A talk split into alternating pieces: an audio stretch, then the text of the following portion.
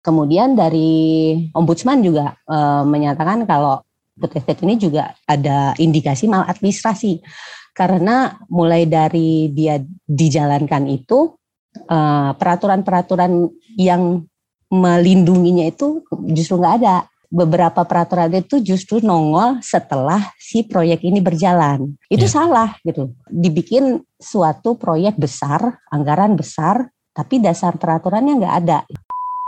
Mas Rimawan tadi belum terjawab. Jadi kalau sekarang dengan KPK yang sekarang GNPSDA-nya masih berjalan dan efektif? Oh tidak, sejak 2000 eh, setelah apa undang-undang baru KPK ya GNPSDA selesai, tidak dilanjutkan. ya karena waktu itu apa namanya eh, banyak yang merasa kemudian ini kok kayak menghambat pembangunan dan lain sebagainya yeah. begitu ya. Nah, yeah. tapi padahal pada saat itu juga kalau kita mau eh, lihat statistiknya itu banyak penerimaan negara yang terselamatkan. Gue Iqbal Haryadi dan lo lagi mendengarkan Podcast Subjektif.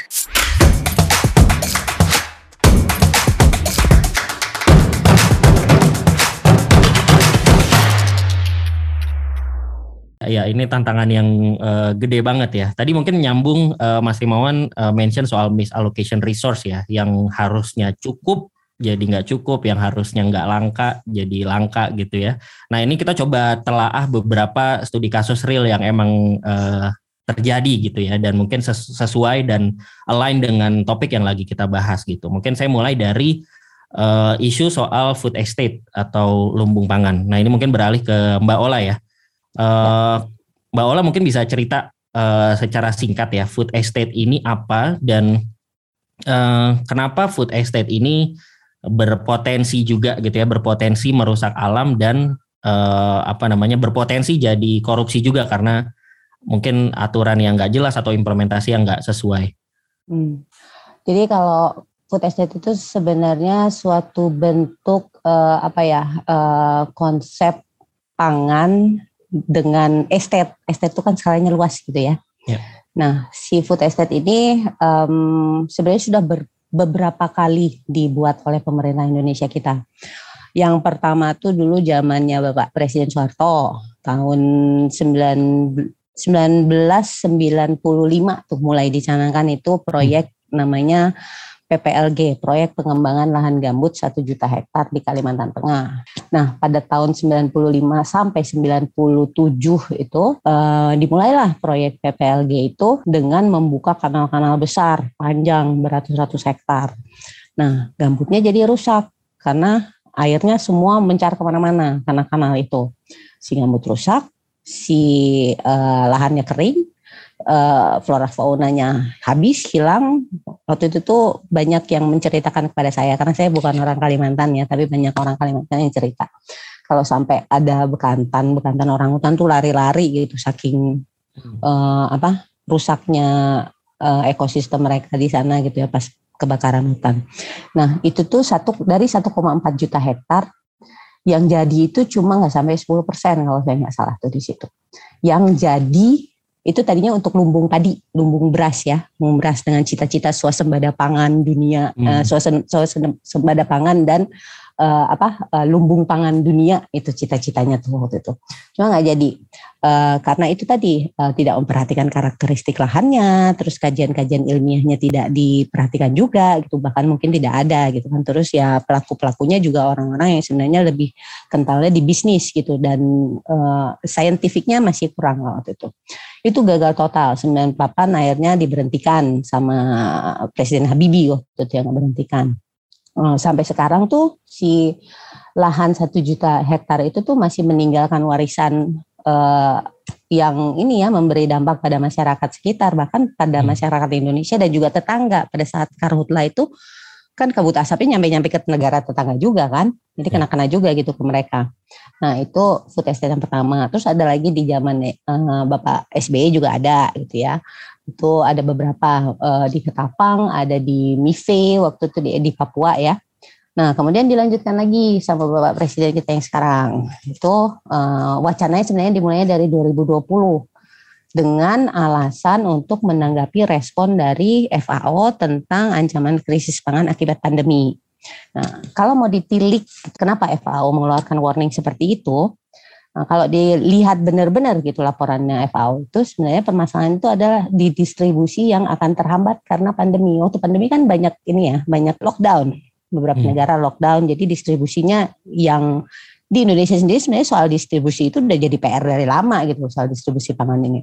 Nah, si karena pandemi juga jadi semakin terhambat. Nah, itu sebenarnya yang warningnya FAO itu, tapi responnya adalah justru malah meningkatkan produksi yang mana akhirnya dibikinlah perencanaan food estate tadi di beberapa provinsi di Indonesia gitu. Uh, ada di Kalimantan Tengah, Sumatera Utara, di Papua, di NTT, terus di mana lagi ya? Sumatera banyak Selatan, ya, banyak banyak Sumatera Selatan. Kemudian ada juga lagi udah mulai uh, wacana-wacana di Kalimantan Selatan, Kalimantan Barat, di Jambi jadi banyak gitu loh kan. Nah, yeah. kemudian si food estate ini dimasukkan pula ke dalam uh, ini nih uh, program pemulihan ekonomi nasional. Nah, si program pemulihan ekonomi nasional ini kan anggarannya gede. Hmm. Nah, anggaran gede itu tapi digunakan untuk suatu respon yang sebenarnya tidak tepat sasaran gitu loh. Kalau tadi si uh, tadi Mas Rimawan bilang soal misallocation resource gitu ya. Hmm. Itu juga sebenarnya bisa kita nilai sebagai misallocation resource gitu. Sebenarnya ada ada ada yang lebih urgent untuk dibenarkan ya uh, untuk dikerjakan yaitu soal pembenar uh, membenar membetulkan bukan membenarkan ya. Membetulkan soal distribusi pangan di Indonesia ini. Ya. Dan kalau kita lihat data pangan di Indonesia sebenarnya yang kemarin di uh, apa diusung itu kan krisis pangan, krisis pangan, krisis pangan. Benar nggak kita ada krisis pangan? Coba lihat data-data pangan, mulai dari data Bulog, data Kementan ataupun data BPS. Sebenarnya nggak kita nggak krisis pangan. Kita masih cukup gitu pangan kita bahkan uh, untuk beras saja itu tuh selalu surplus setiap tahunnya gitu ya. Tapi ya. responnya justru malah untuk meningkatkan produksinya gitu dan pemilihan lahannya juga ya gitu tadi gitu loh. Uh, di lahan gambut, terus di lahan-lahan yang milik masyarakat adat, misalnya gitu sehingga uh, jadi panjang gitu ceritanya. Kalau ngomong yeah. korupsi sumber daya alam itu sebenarnya kita nggak jangan uh, uh, mesti bisa melihat itu secara lebih besar lagi kalau bukan hanya soal nominal, tapi juga soal pemanfaatan lahan-lahan yang digunakan uh, dan manfaatnya itu tidak uh, untuk yang diperuntukkan gitu loh. Yeah. Jadi salah sasaran. Nah itu juga termasuk korupsi sumber daya alam kan gitu. Nah ya. hal-hal yeah. seperti itu sebenarnya uh, yang perlu kita cermati juga. Kemarin juga BPK juga menemukan ada temuan kalau misalnya untuk food estate ini dia eh, hasil evaluasi ya BPK itu mengevaluasi kalau misalnya uh, si food estate ini dinilai uh, apa ya uh, tidak sesuai dengan peraturan dalam uh, semua hal yang material. Jadi ada tiga poin waktu itu yang dinilai sama BPK, mulai dari pelaksanaan kegiatan sur kegiatan survei, uh, investigasi dan desain, ekstensifikasi dan intensifikasinya. Kemudian pada penetapan lahan lokasi pembangunannya, kemudian pada perencanaan kegiatan pembangunan food estate-nya itu belum berdasarkan uh, apa ya uh, ketentuan. Nah, Kemudian dari mana kemarin? Oh dari om, uh, ombudsman juga uh, menyatakan kalau food estate ini juga uh, ada indikasi maladministrasi karena mulai dari dia dijalankan itu peraturan-peraturan uh, yang melindunginya itu justru nggak ada. Hmm. Jadi beberapa peraturan itu justru nongol setelah si proyek ini berjalan. Nah itu kan udah salah. Ya kalau bisa dibilang itu ya salah gitu loh. Kalau kita mau hitam putih gitu ya, itu yeah. salah gitu. Uh, dia uh, dibikin suatu proyek besar, anggaran besar, tapi dasar peraturannya nggak ada. Kemudian ya, si ya. peraturan itu nongolnya setelah sudah ada yang dikerjakan. Ada jalan. Uh -uh. Nah, yang hal-hal seperti itu itu satu contoh sebenarnya ya food estate itu sebagai uh, kita nggak uh, kalau saya pribadi saya belum bisa bilang kalau itu tuh ada indikasi korupsi. Tapi hmm. itu suatu respon yang tidak tepat untuk kondisi sekarang. Uh, kemudian juga uh, suatu hal yang um, bisa dibilang diprediksi akan gagal gitu Udah yeah. sudah udah dua tahun ya berjalan ini dari 2020 sampai 2022 uh, karena kita banyak uh, jejaringnya di Kalimantan Tengah. Yang di Kalimantan Tengah itu cita-citanya 770 ribu hektar yang mau dijadikan lumbung pangan. Nah, kemudian di tahap pertama itu sebenarnya ada 180 ribu hektar yang sebenarnya hanya dari 2020-2021, tapi sampai sekarang baru 16 ribuan hektar yang bisa ditanami dan yang sudah ditanami nggak sampai satu persennya baru sekitar 140 hektar. Jadi ya, ya, ya. agak aneh juga gitu sebenarnya. ya ya Mbak Ola kalau saya coba persingkat persummarize tadi cerita panjang Mbak Ola. Hmm, jadi sebenarnya ya? panjang tapi semuanya emang nggak ada yang bisa dipotong. Jadi saya coba hmm. summarize ya.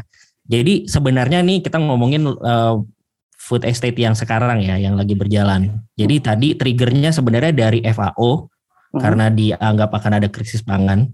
Tapi kemudian sebenarnya kita tidak krisis pangan sehingga program ini ada tapi uh, sebenarnya tidak menyasar problem yang sebenarnya problemnya bukan produksi tapi distribusi.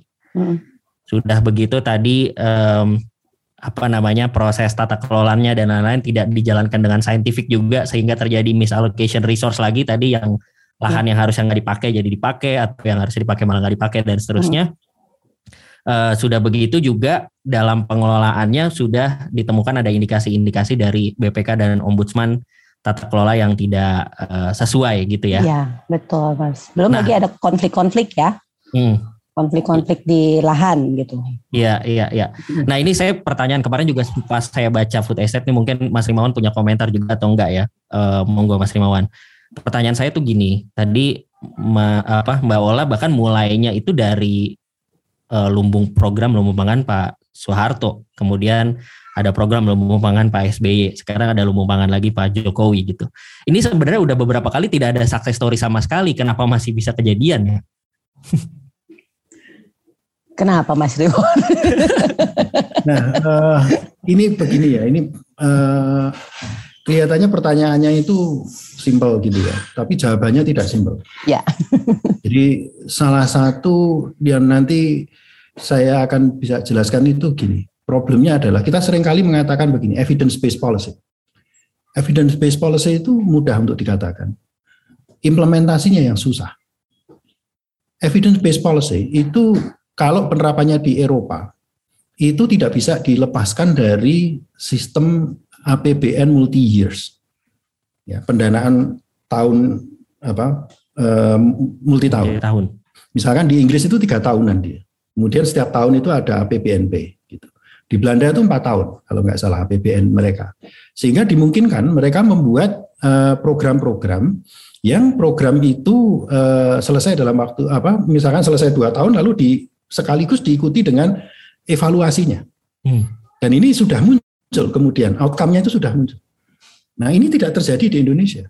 Kenapa? Karena kalau sistem pendanaannya tahunan, sebagian besar outcome itu adalah munculnya nanti tidak apa lebih dari satu tahun itu baru muncul itu satu. Ya. Yang kedua adalah kesalahan kita adalah sistem penggajian eh, apa eh, sistem insentif di sektor publik kita itu ada tiga di negara-negara maju itu tidak seperti itu. Sistem penggajian itu hanya satu. Apa itu? Single salary system yang berlaku di KPK eh, zaman dulu ya, tahun 2000 apa KPK lama eh, 2003 sampai 2019 gitu.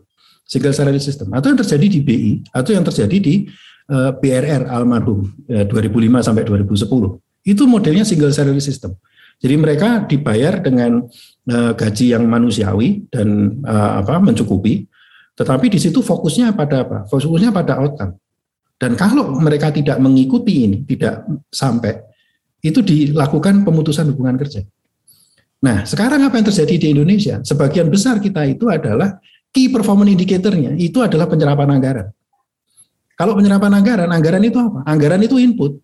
Loh, apakah ada teori ekonomi yang mengatakan bahwa input itu dipakai sebagai key performance indicator? Ya tidak ada. Anda mau bolak-balik seperti apa pun, pakai buku mana pun, tidak ada yang namanya uh, key performance indicator itu adalah input. Loh, tapi mengapa kita masih tetap pakai input? Ya sejak zaman Orde Baru sampai sekarang kita sistem penggajian kita tidak banyak berubah. Ini yang menjadi salah satu jadi masalah. Sehingga kita tidak bisa melakukan evidence based policy. Ketika suatu negara tidak bisa melakukan eh, pemerintah tidak bisa melakukan evidence based policy, maka organisasi pemerintah itu pun tidak memiliki kemampuan untuk belajar. Ya, ya. organization learningnya ini nggak ada. Jadi jangan dilihat bahwa yang namanya yang bisa belajar itu hanya manusia ya. Organisasi itu bisa belajar. Gitu. Dan itu didasarkan pada tadi evidence based policy. Fokusnya kepada outcome, bukan penyerapan anggaran. Dan kemudian kita melihatnya dengan menggunakan menerapkan scientific. Nah, ini dilakukan oleh rekan-rekan yang selama ini terbatas masih di TNP 2K pelaksanaan seperti ini. Tetapi di kementerian lembaga yang lain itu kayaknya masih jauh panggang dari api. Mungkin BI dan uh, Bank apa BI dan Kemenkeu sudah mulai uh, lebih lebih uh, di depan ya dalam hal ini, tetapi kementerian lembaga lain ataupun juga bahkan daerah itu masih jauh dari pola seperti itu. Jadi jangan heran kalau kemudian sering kali kita mengulang hal-hal yang sebenarnya sudah Eh, terbukti tidak berhasil, itu kemudian kita ulang lagi. Ya itu gara-garanya adalah tadi sistem insentif. Jadi kelihatannya fenomenanya itu di sini, kayak simptomnya gitu. Jawabannya itu bisa. Iya, iya, iya. Ini iya. Indonesia, mas. Polanya memang seperti itu. Ya, jadi Benar. Tidak tidak ada yang straightforward kalau di pola di Indonesia. Jadi kita melihat antara simptomnya dengan sebenarnya masalah ada di mana itu sering kali berbeda tempatnya. Oke oke Mas Nyoman, terima kasih. Ini saya langsung main blow ya. tadi soalnya kita tadi soalnya kita mulai dari si lumbung pangannya gitu ya dan ya. ternyata ya. saya juga tadi berpikirnya kayak gitu mas apa uh, ya jangan-jangan solusinya emang implementasinya aja yang harus benar dan segala macam tapi ternyata bahkan kalau ditarik lebih luas dari itu soal uh, polisinya soal gimana kita mengelola anggaran dan segala macam itu juga sangat berpengaruh dan justru bisa jadi solusi juga keseluruhan gitu ya. Jadi uh, di satu sisi kita lihat bahwa memang ini masalah yang tidak hanya bisa diselesaikan dari satu sudut pandang aja, tapi memang harus ada banyak sudut pandang. Tadi nyambung, uh, itu baru satu studi kasus kita uh, ambil satu studi kasus lagi tadi, Mas Maun udah sempat mention juga soal uh, eh, KPK. Nah, uh, beberapa tahun terakhir ini kan kita uh, tahu terjadi uh, pelemahan KPK gitu ya, dan mungkin kalau yang kaitannya dengan uh, korupsi sumber daya alam KPK itu uh, saya baca punya terobosan waktu itu Gerakan Nasional Penyelamatan Sumber Daya Alam GNP ya. SDA. Nah, ini mungkin uh, Mas Rimawan bisa cerita juga apakah uh, GNP SDA ini seberapa efektif dia ketika berjalan dan apakah sekarang masih berjalan dan masih uh, menyelamatkan kita dari korupsi sumber daya alam? Ya, jadi ini menarik ya kalau kita bicara tentang GNPSDA. Jadi embrio GNPSDA itu sebenarnya dimulai sejak tahun 2009. Rekan-rekan itu awalnya masuk ke waktu itu bicaranya sektor minyak gitu, migas. Gitu. Setelah masuk ke migas itu mereka lihat loh, kok ini kok sektor kehutanan kayak gini ya. Dalami kemudian tahun berikutnya masuk lagi. Loh kok nemukan yang lain lagi ya? Sektor tambang. Diperdalam lagi sama mereka gitu ya. Akhirnya terjadilah kemudian dibuat apa yang disebut dengan gerakan nasional penyelamatan sumber daya alam di tahun 2015 dan kebetulan saya ikut tim di situ sebagai eh, resource person di situ. Dan di saat yang bersamaan pada saat itu merangkul sekitar 28 uh, eh, kementerian dan lembaga dan saya kebetulan juga bagian dari Satgas 115 anti illegal fishing di eh, KKP begitu ya. Dan pada saat itu kami banyak melakukan uh, apa namanya uh, operasi bersama atau apa melakukan kegiatan bersama antara GNPSDA dan juga Satgas 115. Di setiap illegal fishing itu nggak hanya illegal fishing saja, itu bisa kaitannya dengan penyelundupan bahkan juga dengan slavery dan apa namanya human trafficking ya penyelundupan manusia dan lain sebagainya itu terjadi di laut. Jadi pertanyaannya kemudian adalah seberapa efektif? Sangat efektif. Jadi sebenarnya kalau kita lihat keberadaan Satgas 115 itu sangat efektif dan itu ada evaluasi eh, apa namanya evaluasi terhadap eh, keberadaan Satgas 115. Hal yang sama juga terjadi pada eh, Gerakan Nasional Penyelamatan Sumber Daya Alam. Itu sangat efektif. Dan bahkan dulu kalau tidak salah pernah ditutup 6.000 izin tambang yang ilegal misalkan itu pernah dilakukan oleh KPK. Agar apa? Agar kemudian ini taat taat azas ya bayar pajak dong dan lain sebagainya kan gitu ya. Nah inilah yang sebenarnya balik lagi keberadaan KPK pada saat itu Satgas 115 pada saat itu itu untuk mengembalikan lagi apa? Menjaga kontrak sosial marwah bangsa Indonesia menyatakan proklamasi. Nah ini yang amanah berat tadi Mas yang saya katakan. Oke. Mas Rimawan tadi belum terjawab. Jadi kalau sekarang dengan KPK yang sekarang GNPSDA-nya masih berjalan dan efektif? Oh tidak, sejak 2000 eh, setelah apa undang-undang baru KPK ya GNPSDA selesai, tidak dilanjutkan. ya karena waktu itu apa namanya eh, banyak yang merasa kemudian ini kok kayak menghambat pembangunan dan lain sebagainya ya. begitu ya. Nah, ya. tapi padahal pada saat itu juga kalau kita mau uh, lihat statistiknya itu banyak uh, penerimaan negara yang terselamatkan. Ya, yang tadi Mas Rimawan mention juga ya ada 6000 izin tambang ilegal yang ya, uh, ya diselamatkan. Mungkin Mbak Ola ada komentar atau cerita terkait uh, GNPSDA uh, KPK? Hmm, kalau tentang GNSPA-nya sih nggak ada ya. Cuma tadi pengen ini ke Mas Rimawan uh, apa pada saat um, jadi kalau dulu mungkin KPK-nya masih lebih sehat gitu ya masih aduh nanti aku kena UU ITE pula. Masih lebih sehat jadi masih lebih darut-darut kalau sekarang itu memang apa ya kalau mau dibilang itu banyak sekali kayak konflik kepentingan. Dan jadi memang juga kepentingan ekonomi sama kepentingan lingkungan itu susah nyari jalan tengahnya, tapi bisa gitu loh. Ya. Nah itu tuh solusi-solusi seperti itu tuh sebenarnya yang harus dicari gitu loh sama-sama hmm. gitu semuanya gitu.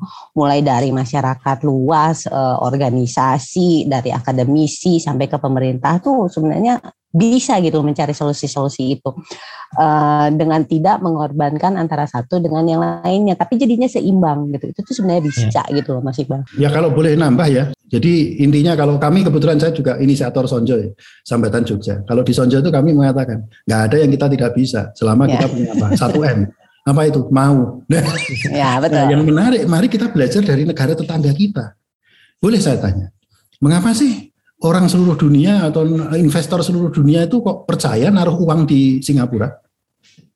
Simpel aja, pertanyaan saya simpel aja. Mengapa seluruh investor di dunia kok percaya ya menaruh uangnya itu di Singapura? Simpel, karena yang dilakukan Singapura sejak dia merdeka itu adalah supremasi hukum menjaga supremasi hukum. Kalau kita lihat Singapura punya apa sih ketika sejak merdeka? Ya nggak punya apa-apa. Wong dia itu sebenarnya situasinya nggak nggak jauh berbeda dengan Indonesia pada saat itu saat dia merdeka tahun 63.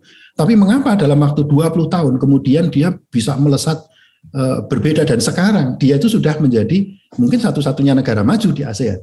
Dan itu mulainya dari mana? Mulainya dari tadi supremasi hukum Ya. Nah, ini yang yang perlu perlu perlu jadi pembelajaran kita bersama. Jadi pertanyaannya kemudian, apakah penegakan uh, hukum itu akan mengganggu perekonomian?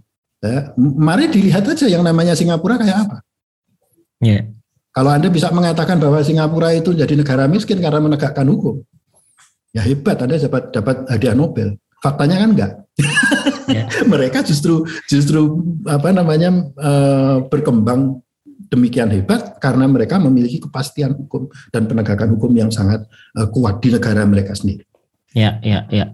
Jadi tadi kita udah punya puzzle-puzzle um, ekonomi gitu ya, ekonomi, kelestarian alam, kemudian hukum juga harus uh, ditegakkan gitu ya. Ini udah kelihatan nih puzzle-puzzlenya. Kita beralih nyambung lagi Mas Rimawan. Kalau kita balik tadi ke awal soal resource curse hypothesis kan sebenarnya yang negara yang punya kekayaan alam kan bukan cuma Indonesia. Ada ya. juga negara-negara lain ada banyak gitu. Tapi ada yang berhasil nih kayaknya mematahkan si hipotesis ini gitu ya. Artinya dia uh, negara yang punya kekayaan sumber daya alam uh, tidak dieksploitasi seluruhnya tapi tetap bisa sejahtera juga gitu. Kalau saya catat ada beberapa yang Mas Rimon juga pernah sebut gitu ya, ada Chile, Malaysia, Australia. Nah, kira-kira apa nih yang perlu dan bisa kita adopsi Mas Rimawan dari negara-negara ini supaya kita juga bisa uh, mengatasi si uh, tadi kita ketergantungan terhadap ekonomi ekstraksi.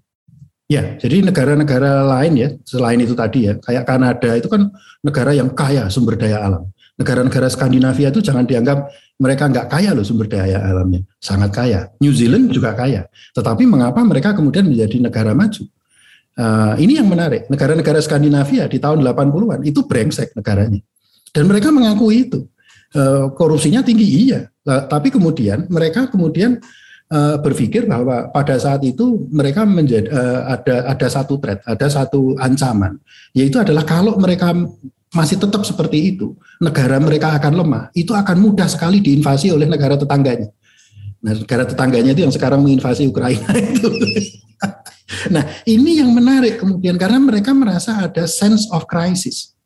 Ya, sense of crisis ini pula yang muncul di eh, apa namanya Korea Selatan. Itu muncul sense of crisis yang sama, itu sebabnya kemudian dia bekerja keras eh, habis-habisan dan sekarang ini bahkan tidak pernah terbayangkan ketika saya kuliah di Inggris ada orang Inggris nyanyi lagunya Korea. Itu nggak nggak tidak terbayangkan. Bahkan dulu tuh kalau mereka melihat ada orang kayak Korea orang Asia nyanyi dalam bahasa kita sendiri mereka mengatakan kok aneh ya yeah. nyanyi pop kok bahasanya bahasa mereka sendiri kok tidak bahasa Inggris. Gitu kira-kira begitu. yeah, yeah. sekarang siapa yang tidak uh, menyanyikan lagunya BTS uh, eh, di London itu dinyanyikan banyak orang dan itu mengubah kultur. Mereka sudah sampai pada negara tetangga kita itu sudah mau mengubah kultur. Problemnya ada di mana? Balik lagi kepada sense of crisis. Ketika kita mengatakan bahwa yang namanya sumber daya alam itu selamanya tidak akan selamanya kita miliki. Nah, pertanyaan berikutnya adalah mengapa ada negara-negara yang bahkan tidak punya sumber daya alam maju? Jepang, Jerman itu maju di situ dan rekan-rekan kita, saudara eh, tetangga kita di, di Singapura, itu apa yang dia kembangkan? Sumber daya manusia. Uh, uh, Malaysia juga mengembangkan sumber daya manusia. Dan apa yang kita lihat sekarang, kedua negara itu kinerja perekonomiannya di atas kita. Juga uh, Korea Selatan juga melakukan hal yang sama. Bahkan Cina itu uh, Anda masuk ke Eropa, tidak ada universitas di Eropa itu yang tidak didominasi oleh mahasiswa Cina. Dan itu terjadi sejak tahun 2000. Nah ini ini hal-hal yang menarik sekali yang perlu kita menjadi refleksi kita bersama Mas. Iya, iya, mengembangkan sumber daya manusia ya Mas ya. ya. Sama tadi ini pertanyaan menarik mungkin Mbak Ola juga bisa komentar ya. Hmm, tadi kan sebenarnya disebut Mas Rimawan sense of crisis ya. Dimulainya ya dimulainya dari tahu dan merasa bahwa emang kita bermasalah nih sekarang nih sistem kita nih bermasalah dan kalau nggak dilakukan sekarang nih nanti jadi masalah nih di depan gitu kan. Itu kan ada sense itu yang akhirnya kemudian mereka ya tadi misalnya fokus mengembangkan sumber daya manusia, kemudian mencari mungkin struktur ekonomi yang lain yang nggak hanya ekstraktif tapi ada pengolahan lagi dan seterusnya dan seterusnya. Nah, apakah Indonesia nih emang nggak nggak punya sense of crisis dan apakah perlu diangkat nih mas? Karena mungkin tadi mas Rimawan juga sempat mention ya mungkin kalau kita kan udah terbiasa untuk dikasih tahu uh kita ini ada di negara yang kayak apa namanya batu kayu jadi tanaman kayak gitu-gitu kan. Jadi kita mungkin kita jadi selalu ngerasa aman gitu ya negara kita santai kok gitu kan. Dulu lempar benih aja katanya bisa tumbuh ya sekarang enggak loh Nah ini yeah. ini ini yang menarik ya. Saya waktu uh, pertama kali di Inggris itu ketemu dengan uh, belajar bahasa Inggris juga. Waktu itu ada les gitu ya. Ketemu dengan teman-teman uh, Jepang. Lalu suatu ketika kami diskusi dan saya memberikan apresiasi, wah negaramu tuh negara yang maju. Apa kata mereka? Isi, isi, dia bilang, bener nggak? Masa sih negaraku maju? Kami itu selalu diberitahu pemerintah kami bahwa kami kami itu negara miskin, kita harus kerja keras karena banyak kekurangan dari negara kami. Ini level Jepang, Mas. jadi jadi sebenarnya kalau di Indonesia kita dalam konteks Indonesia kita bicara apa ya jang, ya mohon maaf ya stop bicara tongkat kayu dan batu jadi tanaman pertanyaannya adalah apakah dengan sumber sumber daya yang ada ini kita itu mampu mensejahterakan tidak hanya masyarakat yang sekarang, tetapi juga anak cucu kita. Kita sustainable enggak dalam melakukan pembangunan ini? Jadi nggak akan ada yang namanya sumber daya alam itu sebesar apa pun dengan kehadiran manusia itu kok tidak terjadi kelangkaan, pasti kelangkaan. Nggak ada yang nggak nggak langka. Sehingga pertanyaannya adalah kemudian mari bekerja lebih keras lagi, mari berpikir lebih keras lagi, dan mari membangun sumber daya manusia agar orangnya pinter-pinter dan kemudian memanfaatkan, jangan sampai memanfaatkan uh, sumber daya alam. Tapi kemudian adalah uh, kayak orang di uh, Jepang, kayak orang di, di, di, di Jerman, mereka boleh saja tidak memiliki sumber daya alam, tapi mereka bisa mengembangkan ilmu pengetahuan dan teknologi. Nah ini yang lebih yang menarik ya kemudian untuk dikembangkan. Mbak Ola? Ya, kalau ada saya tadi soal sense of crisis, sense of crisis itu bisa dilatih sebenarnya dari jeli dan peka terhadap situasi sekitar. Nah kemudian dari sense of crisis itu biasanya akan timbul ada urge, ada apa ya, desakan untuk tahu ini sebenarnya salahnya di mana sih gitu. Kita cari akar permasalahannya apa, kita bikin suatu sistem yang baru yang tidak mengulangi kegagalan yang lama gitu. Terus kita uh, jalankan itu sambil terus dievaluasi. Saya lebih suka yang itu tadi Mas Rewa, hmm, Mas Rewa. Yeah. Mari hmm. lebih keras berpikir bahwa ada sesuatu yang harus kita perbaiki untuk yeah. kita wariskan dengan baik kepada anak cucu kita nanti di depan gitu loh uh, kita juga kalau misalnya nonton film gitu, kalau nonton film-film masa depan itu ada ada dua dua model kan. Yang satu yeah. model adalah dengan yang baik-baik, yang hijau, bagus, uh, aman, tentrem kayak gitu. Yang satu lagi dark banget gitu, kayak Terminator misalnya gitu kan. Terminator itu kan yeah. dark banget gitu. Kita mau pilih masa depan yang mana itu terserah kita gitu. Itu dari uh, tadi uh, gimana kita bisa punya sense of crisis, gimana kita bisa urge untuk memperbaiki apa-apa yang salah dan mencoba uh, berjalan bersama-sama untuk sesuatu yang lebih baik gitu ke depannya. Itu sebenarnya kalau di sini saya sih lebih menyoroti kepada sistem ya. Sistem itu hmm, ya, harus diperbaiki sistemnya. Dari sistem yang diperbaiki itu sudah pasti implementasinya akan akan terperbaiki juga dengan sendirinya. Boleh nambah sedikit ya Mas. Jadi kalau ya, Mbak, Ola, Mbak Ola tadi mengatakan tentang kita melihat ke masa depan. Kita juga perlu melihat ke masa ke belakang ya, sejarah. Misalkan uh, bukunya apa Romo Heri B Heri Priyono uh, almarhum ya uh, terkait dengan korupsi melacak arti menyimak implikasi ini buku ini menjelaskan tentang uh, bagaimana dampak korupsi sejak 5000 tahun sebelum Masehi, Mas. Hmm. itu sudah ada ya dulu Mas ya? Udah udah dijelaskan oleh Romo Heri itu banyak di sana contoh-contohnya dan bahkan uh, kalau kita yang suka apa namanya drama gitu ya, meskipun hmm. bukan drama Korea tapi drama Cina, itu menarik. Ada hmm. drama-drama yang didasarkan pada sejarah. Dan hmm. itu saya belajar dari sana itu bagaimana uh, Duke of Xiao itu Duk Xiao itu membangun uh, bangsa Jin itu tahun 361 sampai 338 tahun sebelum Masehi. Ya.